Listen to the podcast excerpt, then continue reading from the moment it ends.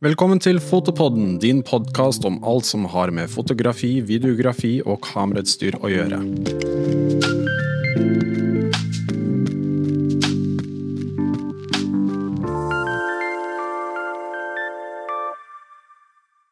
Jeg tror alle som er en smule interessert i kameraer og teknologi generelt, har lest tester på nettet, sett anmeldelser på YouTube og gjort enormt mye research før de vurderer å kjøpe et nytt produkt.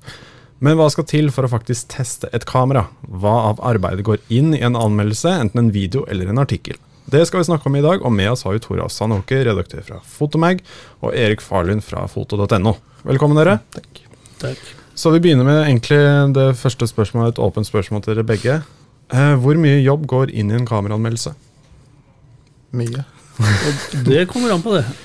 Ja, da er vi i gang. Hvor viktig er produktet eh, for leserne, ikke minst.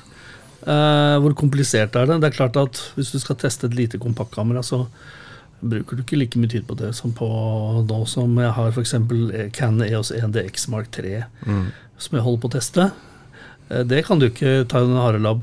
Uh, vi gjorde en beregning en gang at litt tunge systemkameraer brukte vi i snitt 40 timer arbeidstimer på å teste og skrive. Og Det er en hel arbeidsuke. Mm. Det kommer jo an på om det er en brukstest, eller om det er en teknisk test, eller begge deler. Og ofte Ja. så vil det jo være begge deler, og da, da går det med mye tid. altså. Ja. Jeg husker jeg noen ganger gjorde det på to dager, hvis man fikk et preproduksjonseksemplar. Denne her kan du ha til onsdag. Ja. Bare snudde meg rundt og jobba som en helt, men det var, det var ikke gøy. altså. Mm. Ja, sånn er det noen ganger du ikke får produktet mer enn en dag, kanskje. Altså, vi husker vi hadde et Sony-kamera, det fikk vi teste i tre timer. Og det var det. Da, det nekter jeg på. Jeg gjør ikke det. Det er ikke seriøst. Leserne skal kunne forvente at jeg vet noe om Mm. et kamera som du ikke kan vite uten å ha faktisk gjort en ordentlig test. Jeg, noen ganger så lager vi det vi kaller for brukertester, hvis vi bare kan ha kamera noen få dager. Og jeg vil også ha muligheten til å fotografere bilder ute i naturlig lys. Og da har vi noen problemer om vinteren, f.eks. Mm. Ta bare bilde av snøvær og tåke. Det gir ikke noen illustrasjonsbilder som noen gidder å se på. Og du kan ikke bare ha innendørsbilder heller. Eh, så hvor lang tid? Nei, det varierer. Det hender at jeg har utstyr i månedsvis, eh, fordi at vi lager langtidstest også. Det hender at vi har låner kamera lenge for å kunne teste objektiver også. Men stort sett så trenger vi nok å ha utstyret to til fire uker for å gjøre en seriøs test. For vi tester jo gjerne flere ting sammen, og tiden skal fordeles på det. Ja, og Så gjør man jo av og til samletester. Ja. Og da er det jo enda mer jobb, for i tillegg til at du skal gjøre alle testene med det kameraet, skal du sammenligne det med alle de andre modellene. Så det blir jo ikke, tester du tre kameraer sammen, så er jo ikke det tre ganger jobben. Det er jo ofte mer, fordi du skal gjøre mye sammenligninger og vurderinger der. Har man det bare i tre timer, så blir det jo ingen test. Men det blir jo en man kan kalle det en hands on vurdering Ja. eller førsteinntrykk. Førsteinntrykk, eller ja. et eller annet sånt. Men å kalle det test, det er jeg enig med Torolf, det er helt useriøst. Nei, det, det, vi, vi, det hender vi er ute hos eh, produsentene på et eller annet event, eller bare på kontoret deres, og får lov å tafse litt på et produkt, eller til og med fotografere med det. Og Hvis vi da får fotografere med det, så kaller vi det et uh, førsteinntrykk eller prøvekjøring. Eh, det hender at vi kan holde på i en hel dag, kanskje til og med over natta. Eh, Så vi får brukt ganske mange timer på det, men det er likevel ikke en test. For du kan ikke ha produsenten hengende over skulderen din når du skal teste. Ja. Du må teste på egne vilkår, ellers så er det ikke en uavhengig test. Og det har leserne rett til å få, en uavhengig test. Og det med uavhengig test er jo veldig Det er veldig vanskelig å vite i dag. Altså, da jeg begynte i denne bransjen i 2005, så var det jo noen nettsider som var veldig dedikerte, og som hadde annonseinntekter fra og levde av det som en vanlig avis, og som testa um, skikkelig og grundig og ordentlig og uavhengig. Og så var det noen som lot som de gjorde og så var det masse sånn litt flytende. Men i dag så syns jeg det er så veldig vanskelig å vite hvem som egentlig gjør det skikkelig. Og det, det er litt problematisk, for da aner jo ikke leserne hva de egentlig leser når de leser en test. Nei, det, det er jo dilemmaet. Det er fullt lov å mene noe om utstyr, selv om du har hjertet fullt av et bestemt merke. Eh, Jeg skrev litt om det i lederens siste fotomag, om, om det å teste og det å synse. Eh, Vi har mange dyktige folk som kaller seg ambassadører og visionaries osv., som da får betalt eller gratis utstyr fra et firma for å promotere deres produkter. Og Det kan være dyktige folk som er ærlige og redelige, men de vil aldri være nøytrale eh, når de uttaler seg om produkter. De vil heller aldri uttale seg om konkurrerende, produkter. I hvert fall i veldig liten grad, og det har de ikke noe å rite på. Mens det vi er nødt til, det er jo å sammenligne og teste. Du kan si Eh, når jeg har levert fra meg en, en test, og det går tre-fire uker, og noen kjøper dette utstyret og blir eksperter på det selv fordi de bruker det dag ut og dag inn, så vet de mer om det enn meg. Mm. Men det de ikke kan, det er å sammenligne med hundrevis og tusenvis av andre produkter som jeg har testa gjennom nå snart 20 år.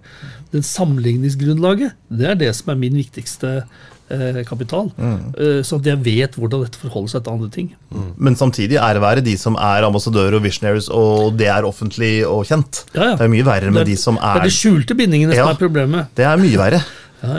Og så er det jo mange som utgir seg for å være eksperter, og som har eh, synset veldig mye hjemme på gutterommet, mm.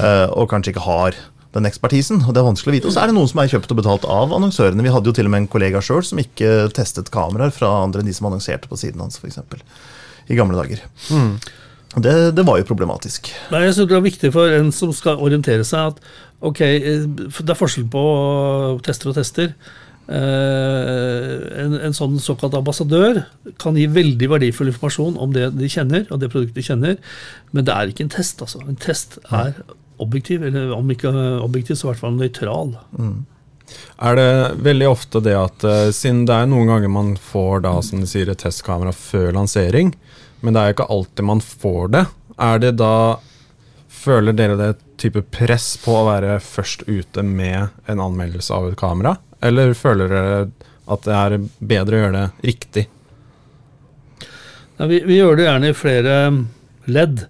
Altså Det førsteinntrykket vi kan komme med, et kvalifisert førsteinntrykk, Uh, til og med kanskje om utstyret ikke er ferdig. Uh, Beta-versjon og alt mulig sånt. Nå. Da må vi skrive det. Det hender at det står på bildene at disse bildene er tatt med en tidlig versjon og kan være annerledes ja. så videre Det skal vi være helt åpne på. Jo, og Det er viktig for folk er nysgjerrige. Folk vil gjerne vite noe. De vil vite noe de ikke kan vite av å bare lese om det, men av noen som har hatt det i hånda og brukt det, og som de har et eller annet forhold til. Mm. Uh, men det er ikke en test. når jeg ser tester komme samtidig med at et eller tester at et produkt mm. kommer ut, så ble jeg veldig skeptisk. og jeg vil si det at Du skal være skeptisk for de produktene som testes med en gang. Selv mobilbransjen så kommer de med tester før mobilen er ferdig. Mm. Jeg har sjøl fått sånne testeksemplar som ikke har vært på langt av ferdig, og som, som folk eh, kaller tester. Det skal du være skeptisk til. De, de en test tar litt tid, altså. Ja, altså De har det i hånda i to-tre timer. Den der, eh, Eksempel på det var den fra var det Samsung som kom med en brettbar telefon. Ja. Som mange testet i eh, et par dager, og sånne ting, men så fant de veldig fort ut ut av at den ikke var eh, den, ikke, den, var ikke like holdbar som den skulle være. Og da endte jo Sansen med å trekke den tilbake og begynne litt på nytt. Fordi når folk faktisk fikk prøvd den og bretta den frem og tilbake, og sånne ting, så var den ikke like sterk som de hadde regnet med. da. Jeg prøvde ikke den, men hvis du skal sammenligne med noe som folk alle forholder seg til, det er å kjøre bil. Mm. Du skal teste en bil, og du får lov til å kjøre rundt på en 400 meter bane rundt og rundt tre ganger, så er, så er ikke det noe relevant for hvordan denne bilen brukes av folk. Mm. Og Det er det som er vår jobb, det er å prøve å kommunisere hva kan dette bety for deg. Ikke hva det betyr for produsenten og teknikerne og ekspertene. Men du trekker jo fram et veldig vanskelig tema der også, nemlig holdbarhet. For det går jo ikke an å teste. Altså, om man tester i to uker eller tre uker, så får man mm. likevel egentlig ikke testet holdbarheten på det. Nei, så Du skal ha et kamera mye lenger enn det. Ja, Så, så det får vi jo bare ikke testet. Og så finnes det jo individvariasjoner, eksemplarvariasjoner, som er vanskelig, for man får jo bare ett eksemplar å teste. Og det er en del sånne fallgruver mm. som det er nesten umulig å komme rundt. Jeg mm. vet sånn som Lens Rentals i USA, de tester jo gjerne mange eksemplarer, for de kjøper jo inn for å leie ut, og tester av mange og kan altså, justere for eksemplarvariasjoner. Mm. Men det kan ikke vi vanlige testere. Det går ikke. Hvordan er det når eh, si du får en pressemelding eller en presentasjon fra et firma, er det vanskelig da å være nøytral på det du faktisk skal skrive om? Siden det er jo noen ganger at de har litt lyst til å Som de sier, det står litt over skulderen din på en måte òg, da. Altså Pressemeldingene er jo en form for PR. Mm. jeg siterer ikke pressemeldinger helt ut. Jeg bruker noen ganger påstander fra pressemeldinger, men da gjør det klart at dette påstår da produsenten sånn og sånn. Eh, og så prøver jeg å sette i en sammenheng. Uh, gjerne korte litt ned, for de er ofte ganske fulle av ord. Eh, og og det, hva som er viktigst. Jeg leste en gang en bok om journalistikk at journalistikken kan oppsummeres på den samme måte som hvis du skulle dekke da Moses kom ned fra Sinai berg med Guds ti bud til menneskene. Så står det I går kom Moses ned fra Sinaberg med Guds ti bud til menneskene. De tre viktigste er punktum. Og så Ja. kommer da de tre viktigste. Det, det er de tre viktigste vi skal øh, først og fremst være ute etter, særlig på nyhetssaker. Så alt det der som står om uh, mumbo jumbo, om alt det de har lyst til å si noe om, ja, det ser vi kritisk på, og så skriver vi om det som er viktig, syns vi. I dag er det så mye mumbo jumbo i disse pressemeldingene at ofte så er det mer laget for å forvirre enn å informere. Og de er i hvert fall ikke skrevet for pressen. Uh, jeg liker heller ikke å sitere rett fra pressemeldingen, men jeg gjør det hvis formuleringene er virkelig ekstremt svulstige eller så dårlige at jeg nesten ikke skjønner det sjøl. egentlig bare for å sende et stikk til de som har laget det så dårlig tekst. Ja. Det er jo også noen ganger jeg merker at de har eh, fått det på engelsk, og så har de gjort en veldig røff oversettelse til norsk. Og så går det liksom ut. Ja, av noen som ikke kan faget. Ja. Ja, Ja. Det, er Det varierer en del. øh, men det er mange veldig dyktige der også. Og de har jo internpolicyer på ordbruk og sånt. Men det som kunne vært fint, var om de ble enige om hva forskjellige engelske uttrykk var på norsk. Ja. Eh, Eller ble enige om at eh, de gamle, gode norske uttrykkene faktisk eksisterer. Men det er, no, det er noen som ikke har oppdaget at uh, vi hadde fotografisk teknikk også 50 eller 100 år før eh, digitalkameraene kom. Og da hadde de ord, de også. Hvordan eh, skriver man en spennende anmeldelse, da? Siden eh, det er jo viktig å ikke bare lese opp spesifikasjonene på et kamera og hva det gjør, men eh, hvordan klarer man å på en måte skille ut sin anmeldelse mot alle de 100, kanskje tusen som ligger der ute? Det er veldig vanskelig å svare på. Det er jo dilemmaet hver gang. Hvordan gjøre dette interessant? Eh, og Det får jo le leseren bedømme, egentlig, eh, om det er spennende eller interessant. Men noen ganger så tar man et valg. Eh, og det å gjøre alt eh, forutsigbart, det tror jeg ikke dette er ikke, skal ikke være underholdning, men det skal være god informasjon. Det skal være forbrukerinformasjon, for folk skal bruke dette som ett av mange eh, incitamenter til å foreta valg på produkter. Eh, jeg kan nevne jeg testet nå, Siste nummer så testet jeg eh, Fujifilm X-Pro 3, som er et veldig spesielt kamera. Og da valgte jeg å skrive veldig lite om det tekniske, i og med at det tekniske også er ganske identisk med flere andre Fujifilm-kameraer. Men jeg skrev veldig mye om det å bruke kamera, og hvordan det var å bruke. Og ikke minst for å vise at dette er ikke et kamera for alle. Eh, og jeg har fått tilbakemelding fra flere som likte det kameraet, bruke kamera. Det der var midt i blinken. Mens andre sikkert syns De sier ikke noe. De syns at dette var helt uinteressant. Jeg vet ikke. Så da prøvde jeg å, rett og slett å bli spesifikk på det som Der sto det, det er masse som ikke sto om det kameraet, som kunne ha stått. Du kan jo aldri treffe alle, men det er jo viktig å kjenne publikummet sitt. Ja. For vet du jo cirka hva slags gruppe leseren er, så legger du jo alt det du skriver opp til dem. da. Og så blir det jo ikke for gud og hvermann ute som googler og, og kommer tilfeldigvis inn der nødvendigvis. Men å skrive for de faste leserne dine er jo litt viktig, og da kan du legge det på en, en måte som du vet de setter pris på. Mm. Du bruker litt humor noen ganger. Jeg gjør det, men jeg Ja. tester det veldig lite. Det skal jeg jo si at jeg, i og med at foto.no også har butikk, Ja. så er det veldig vanskelig for meg å skrive en test som blir sett på som uavhengig. Ja. Helt, eh, altså Om jeg er aldri så uavhengig og uhildet og nøytral og alt mulig, det øyeblikket noen stiller spørsmål ved om jeg er uavhengig, så er egentlig testen verdiløs. Og derfor så tester ikke jeg lenger. Nei. Men jeg låner noen tester fra Fotomag og Toralf. eh, og så gjør jeg av og til noen hands on eller noen sånne vurderinger, eller har prøvd Ja, ja, ja. litt, og den typen ting. da, Men ordentlige tester det vil jeg ikke bli med ut på. Nei, nei, jeg skjønner, skjønner, skjønner. Hands on er ofte det som blir lest mest.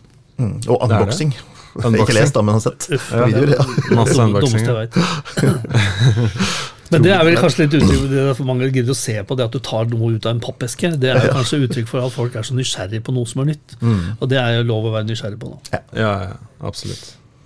Um, ja, så er det jo også det at liksom mange vil også bare ha en type Det blir litt window shopping, det er sånn unboxing, hvis du skjønner hva jeg mener. At liksom eh, du har ikke mulighet til å kjøpe det selv riktig med en gang, så du vil egentlig bare se at det blir åpnet og At liksom plastikken blir tatt av for første gang, og noen kommenterer på det.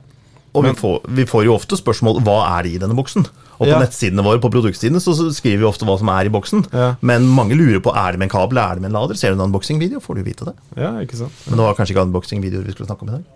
Nei, men det er jo det, på, på, på YouTube så er jo det kjempepopulært. Ja. Det. Kanskje.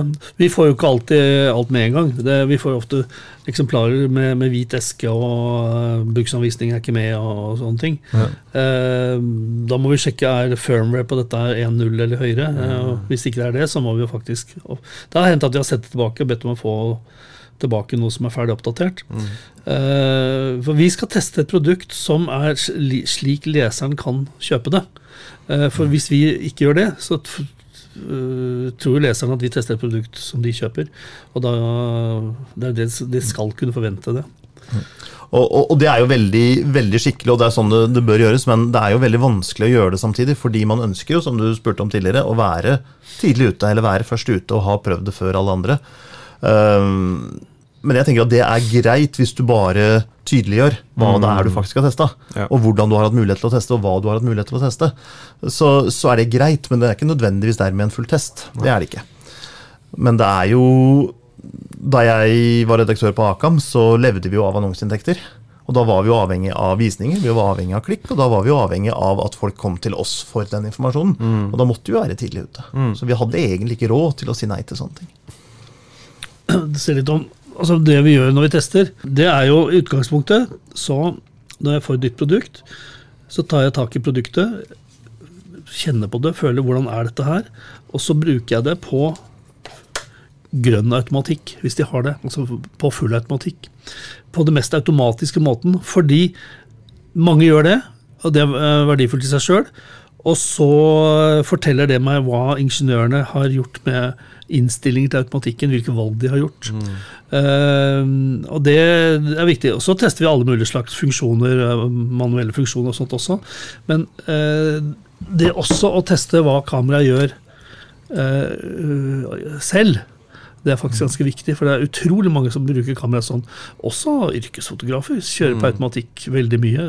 Det er ting du ikke kan gjøre manuelt, som f.eks. å følge fokus og sånt noe. Det, det går veldig dårlig manuelt ofte.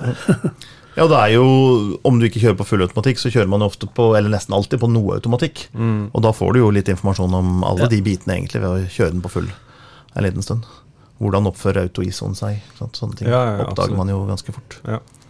Jeg sier noen ganger litt sånn spissformulert at eh, når folk spør automatikk eller manuelt, ja, vil du selv bestemme hvordan bildet skal bli, eller vil du at en japansk ingeniør skal bestemme det? Eh, og Det er jo endepunktet, liksom. Men vi legger jo ofte et eller annet sted midt imellom, hvor vi bruker da automatikken som er laget av japanske eh, ingeniører, og så legger vi til og trekker fra litt sjøl. Mm. og det er jo en fin spissformulering, men selv om vi kjører på manuell, så bruker vi jo veldig ofte den innebygde lysmåleren. Og da ender vi opp med veldig likt resultat som det automatikken ville gjøre. Så da kan du variere litt hvordan blender og, og lukker skal være, men på et program med automatikk for eksempel, så kan du jo justere det individuelt også. Så det blir jo veldig mye automatikk man kjører uansett, ofte, tenker jeg. Ja, og så er det jo sånn i dag at eh, i hvert fall når det gjelder kameraer, så er de aller fleste kameraer så bra at eh, fotografen ofte er dårligere enn kamera. Eh, kameraene er bedre enn at det går an å si noe signifikant forskjeller på dem i bildekvalitet. Det er andre ting som teller nå, sånn som hvor stort er det, hvordan er det å bruke, hva tåler det, ytelse, eh, bruksegenskaper som passer til forskjellige typer jobber osv. Derfor så var det interessant å eh, skrive om det Fuji-filmkameraet, som jo er så sært at du ikke engang mm. kan se inn i søkeren, nei, kan se på skjermen når du fotograferer, vanligvis. Eh, det skiller seg helt ut. Det har en veldig spesifikk målgruppe. Ja. Og det er også viktig å tenke på, eh, ser jeg for meg.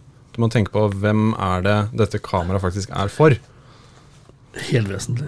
Det er jo blitt viktigere og viktigere også. Og Da jeg begynte å teste kamera for 15 år siden, så var det jo så stor forskjell på kameraene, og det var noen kameraer som var så ræva at man lurte på om noen av designerne fortsatt var på frifot, rett og slett. Um, og sånn er det jo ikke i dag. I dag finnes det omtrent ikke dårlige kameraer, men det er kameraer som er bedre eller dårligere for ulike brukergrupper, og derfor så er jo nettopp brukergruppe kanskje noe av det viktigste man kan, eh, kan skrive om. egentlig om et kamera i dag. For åtte- For åtte-ti år siden så var det ikke lenger eh, Da skjedde skillet. Etter det så har det ikke lenger vært lett å finne kameraer som ikke er gode nok, uh, og mer enn det. Men før det, som, som Erik også sier, på 2000-tallet, som vi vel nå sier, som var liksom pionertid for digitalkamera. Jeg sa noen ganger til folk at uh, det vi lever av, er at produktene er for dårlige. Sånn at vi kan uh, hele tiden teste og fortelle hva de kan uh, forbedres på. Ja. og da kjøpte jo folk nytt hver gang det kom noe nytt. Mm. Det er derfor det, kameraindustrien sliter nå, for folk gjør ikke det lenger. Fordi at de er fornøyd med det de har, inntil de går i stykker. Du snakket litt tidligere om før podcasten, om at du skal teste påstandene fra produsenten. Ja. Fortell litt mer om det. Ja, Det er jo viktig, for det, det, folk forholder seg til, er jo ofte reklamen og påstanden fra produsenten om hva slags produkt dette her er. Og Da er det vår jobb å sjekke om det stemmer. Stort sett så gjør det det. Vi skriver veldig lite om at det stemmer, eh, for vi har begrenset med plass og tid. Og da bruker vi ikke tiden på å si at ja, alt dette stemmer, det stemmer, du kan få det, du får det du forventer. Men der hvor det ikke stemmer, mm. da har vi en fordømt plikt til å gjøre folk oppmerksom på det. Eh, og det er ikke så mye som ikke stemmer teknisk, men det kan være mer at de ja, tar munnen for full. På et teknisk område så har det vært en del hype, og det er jo når det gjelder ISO. Mm. Eh, når da en produsent kommer og sier at produkt kan brukes på er det 2,5 millioner ISO, som noen gjør, mm. da tester vi det. Og så viser vi hvordan det ser ut. Mm. Og jeg skal love deg, at Det er ikke noe produkt som har vært brukbart på 2,5 millioner ISO noen gang. Nei, Jeg så et bilde nå nylig på ISO 800 000 fra nye Canon-indeksen. Det var jo knapt mulig å si at det var et bilde. Altså. Det, ja, du kan stille det inn, ja. men det er det eneste du egentlig kan. Du kan ikke ta bilde av ufo engang, og ufo-bilder skal jo så kjent være veldig dårlige. Ja. Men ikke engang det kunne du bruke det til. Altså. og så har du en ting til, og det er eh, når du tester kameraer. Eh, tester du rå eller JPEG? Eh, mm. For det, det, å teste rå, det er egentlig meningsløst. Du kan ikke teste rå. Eh, for det som kommer ut av bildebrikken på uh, råformat, det er ikke det som ligger Eh, på, på, minnekortet, for det er prosessert og behandla ganske kraftig. Men det er allikevel eh, ganske forskjellig fra det du sjøl eh, vanligvis bruker.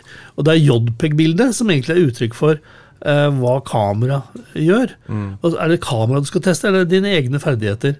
Og det blir litt eh, blanding av det. Så jeg tester alltid både rå og JPEG og sammenligner det. Og danner meg, nå har jeg holdt på med dette ganske mange år, så danner jeg meg et bilde av eh, hvor hva potensialet er med rå, og hva, eh, hvor god JB-kvaliteten er. Og det varierer ganske mye. Um, og det å si at kameraet er sånn og sånn, det er nesten ikke mulig i dag, for det kommer helt an på innstillingene. Mm. Og veldig mange sier at ja, det, det og det kameraet har dårlige hudfarger, sånn og sånn. Ofte så er det fordi at de rett og slett ikke vet hva de driver med. altså. Ja, jeg, jeg, jeg, har sett at det er mange som har sammenlignet kameratyper med tanke på akkurat det du snakket om. Ja. Men så var det en som sa liksom sånn Tar du bilder i rå, så spiller det ikke noen rolle. Nei, ofte ikke. Rå kan ta, spille en viss rolle hvordan du lyssetter osv., men det går mer på ekstreme ting som eh, at du må ha med hele lysspekteret. Mm. Ellers så mister du kanskje noe som du ikke du kan rette opp igjen. Men stort sett kan du rette opp ganske mye. men det, det så folk snakket om en stund at det er ikke noe vits i å velge hvitbalanse så lenge du fotograferer rå. Mm. Ja, det skal du ta litt med klype salt. Du ja. kan fotografere deg bort fra et godt bilde. Ja, og du kan få pådra deg sjøl en masse jobb i etterkant. Altså Hvordan, hvordan fargen er. Ja, du, du kan stille det i råd, men noen kommer naturlig riktigere eller penere ut enn andre. Og da har du mye mindre jobb i etterbehandlinga. Mm. Og så har JPEG-bildene blitt mye bedre og bedre. Og det er litt forskjell på produsenter. Hos noen produsenter er de veldig bra. Og jeg vil si det at veldig mange som tror de må bruke rå for å få gode bilder, Eh, de burde brukt JPEG isteden. Blant annet så krever det at du kan litt om støybehandling og fargegjengivelse og toneforløp hvis du skal få maks ut av, av rå. Eh, jeg vet også folk som prøver å sammenligne rå fra det og det eh, programmet. Men det er jo helt avhengig av hva slags innstillinger du bruker. Hele poenget med rå er at du bruker dine egne innstillinger. Mm. Og er f.eks. det bildebehandlingsprogrammet bedre enn det på raw? Ja, Det er jo som å spørre er den bilen bedre enn den mens de står stille. Ja. Det er jo, De fleste kameraene nå er jo såkalte hybridkamera. At de tar både stillsbilder og video. Eh, gjør det like Setter det like mye fokus på video på et kamera som egentlig er et stillskamera? At det liksom forlanger videospesifikasjonene skal være på topp der også? Eller hvordan eh, tester det? Jeg har sett at mange deler det opp. At de tar det så på Fullskjerm XT4. Da hadde han én video om fotograferingen og én video om videospesifikasjonene. Er det noe som man må adaptere seg til nå, nå fordi nå som alle kameraene også filmer? Eh, vi tar jo hensyn til begge deler i litt forskjellig grad. Nå er jo XT4 et eksempel på et produkt som ikke eksisterer ennå. Det, Mm. det er ikke ferdig. Eh, det kommer ikke til Norden i hvert fall før i april. Og øh, noen produkter fremhever dette med video såpass mye at du må teste det grundig, som f.eks. noen av disse eh, Panasonic-produktene som er laget spesielt for video. Sony har produkter. Eh, når produsentene, både Nikon og Canon og andre, fremhever videoegenskapene, ja, så skal vi teste det. Men leserne våre er ikke videonerder, så vi legger ikke all vekt på det. Når det gjelder mobil, så legger vi alltid vekt på video, for alle bruker også mobil eh, til video når de først fotograferer med mobil. Eh, men vi driver, jo ikke, vi driver jo ikke noe testing for profesjonelle her. Altså, De profesjonelle videofotografer de leser ikke verken Fotomag eller foto.no for å se eh, om produktet duger til sitt bruk. De eh, har helt andre måter enn informasjonskilder. Men vi kan fortelle hva dette her er til et vanlig publikum. Og da bruker vi gjerne litt eksempler, men verken bilde- eller videoeksempler forteller jo veldig mye om produktet. Du må faktisk eh, ja, Jeg tror folk gjør godt i å lese mange tester for, før de bestemmer seg. Ikke bare stole på én test. Det er jo eh, mange hobbyvideografer Ja. som kjøper dette her. Og vi vet jo Sony har jo solgt i bøtter og spann fordi de har levert uh, anstendige ting. Men jeg tror mange av dem også er solgt på spesifikasjoner. Og spesifikasjoner kan aldri egentlig si, gi det fulle bildet av hvordan noe er. så Derfor så tror jeg det er viktig å, å gjøre en test av det også. For eh, Ikke for de profesjonelle som lever av det, men for de som enten ønsker å gjøre små oppdrag på si, eller som bare vil ha det som en hobby. Men jeg likte det du sa en gang, at liksom eh, for å finne det riktige kameraet som passer deg, så er det jo til, til syvende og sist det kameraet som gjør at du tar flere bilder. Det syns jeg også var smart sett. Ja, du, du, Du har noen gullkorn en gang iblant. Og det er jo ofte mobilen, Ja. for det er det du har med deg. Og eh, det er folk som fremdeles fnyser av mobilkameraer. Men i og med at det er, der, det er det folk bruker mest, så skal vi ta det på alvor. Jeg mener ikke noe bestemt om mobil er like bra som andre kameraer osv. Det du, du bruker, skal du kunne vite hva, hva duger til. Og når produsentene påstår at mobilkamera skal, skal funke sånn og sånn, ha 108 megapiksler, gudene vet, ja, så tester vi det. Den siste Fotomag så har vi faktisk testa. Eh, et kamera mot uh, mellomformatkameraer på oppløsning. Mobilkamera. Og da kan folk se selv. Mm. f- eh, skal jeg avsløre at det så ikke helt pent ut. Men, men Hva var eh, mellomformatkamera eller mobiltelefonen? mobiltelefon.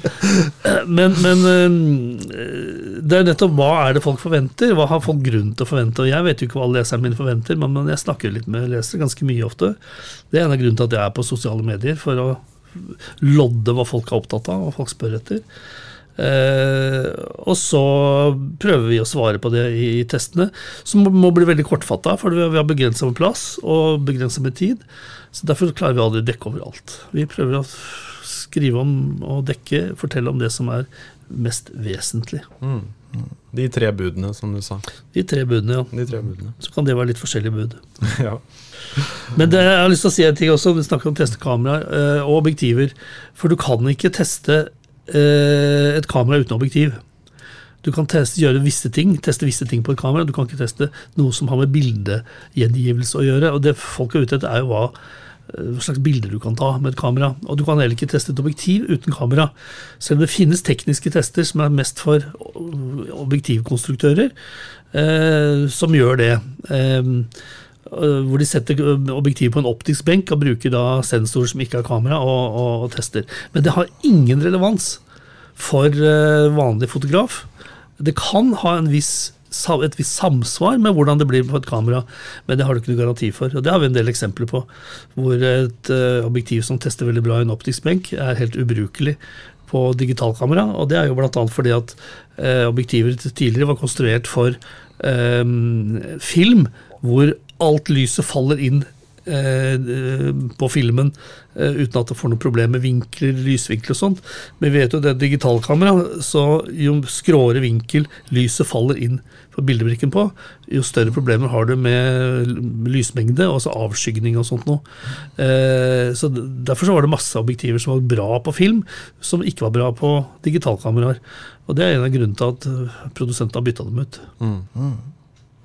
Og det var en stor fordel for hva skal man kalle det, nykomlingene en stund også, som Ja, ikke hadde noe, noe arv å ta vare på. For de kunne lage alt sammen for eh, rett for digitalt. Og lagde veldig veldig bra objektiver som var suverene, egentlig sammenlignet med mange av de gamle.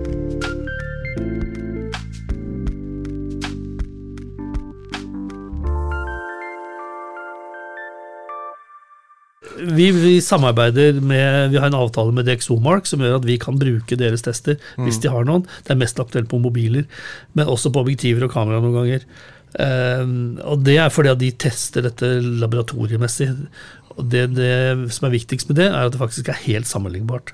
Uh, det, er som, det er vitenskap. Uh, Derimot så sier det ingenting hvis ikke du kan tolke de dataene.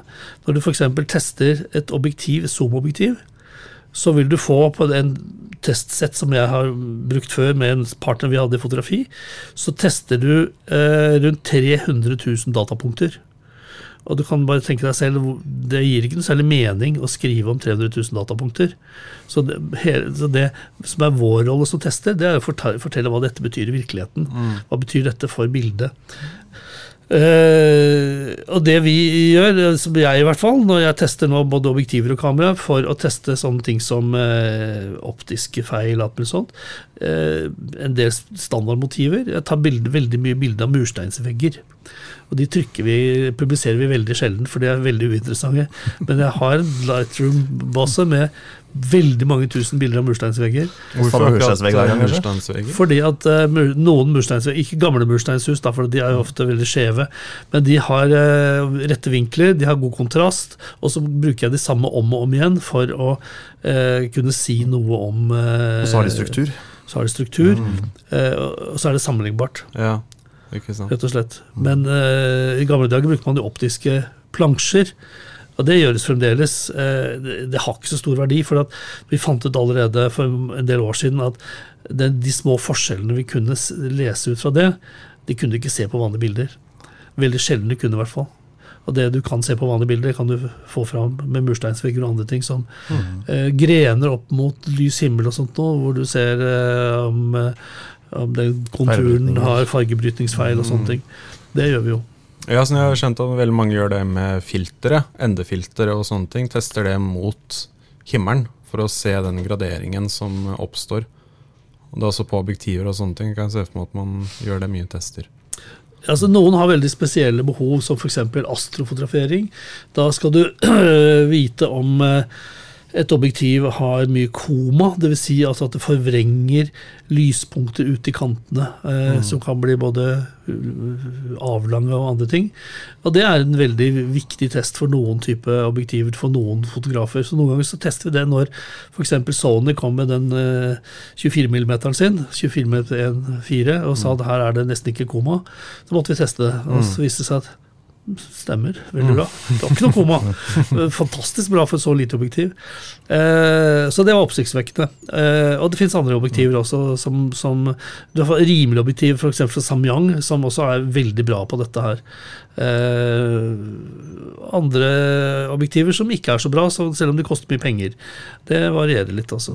Men hvis ikke de påstår at det skal være for astrofotografering, så er det ikke sikkert vi tester det spesielt nøye.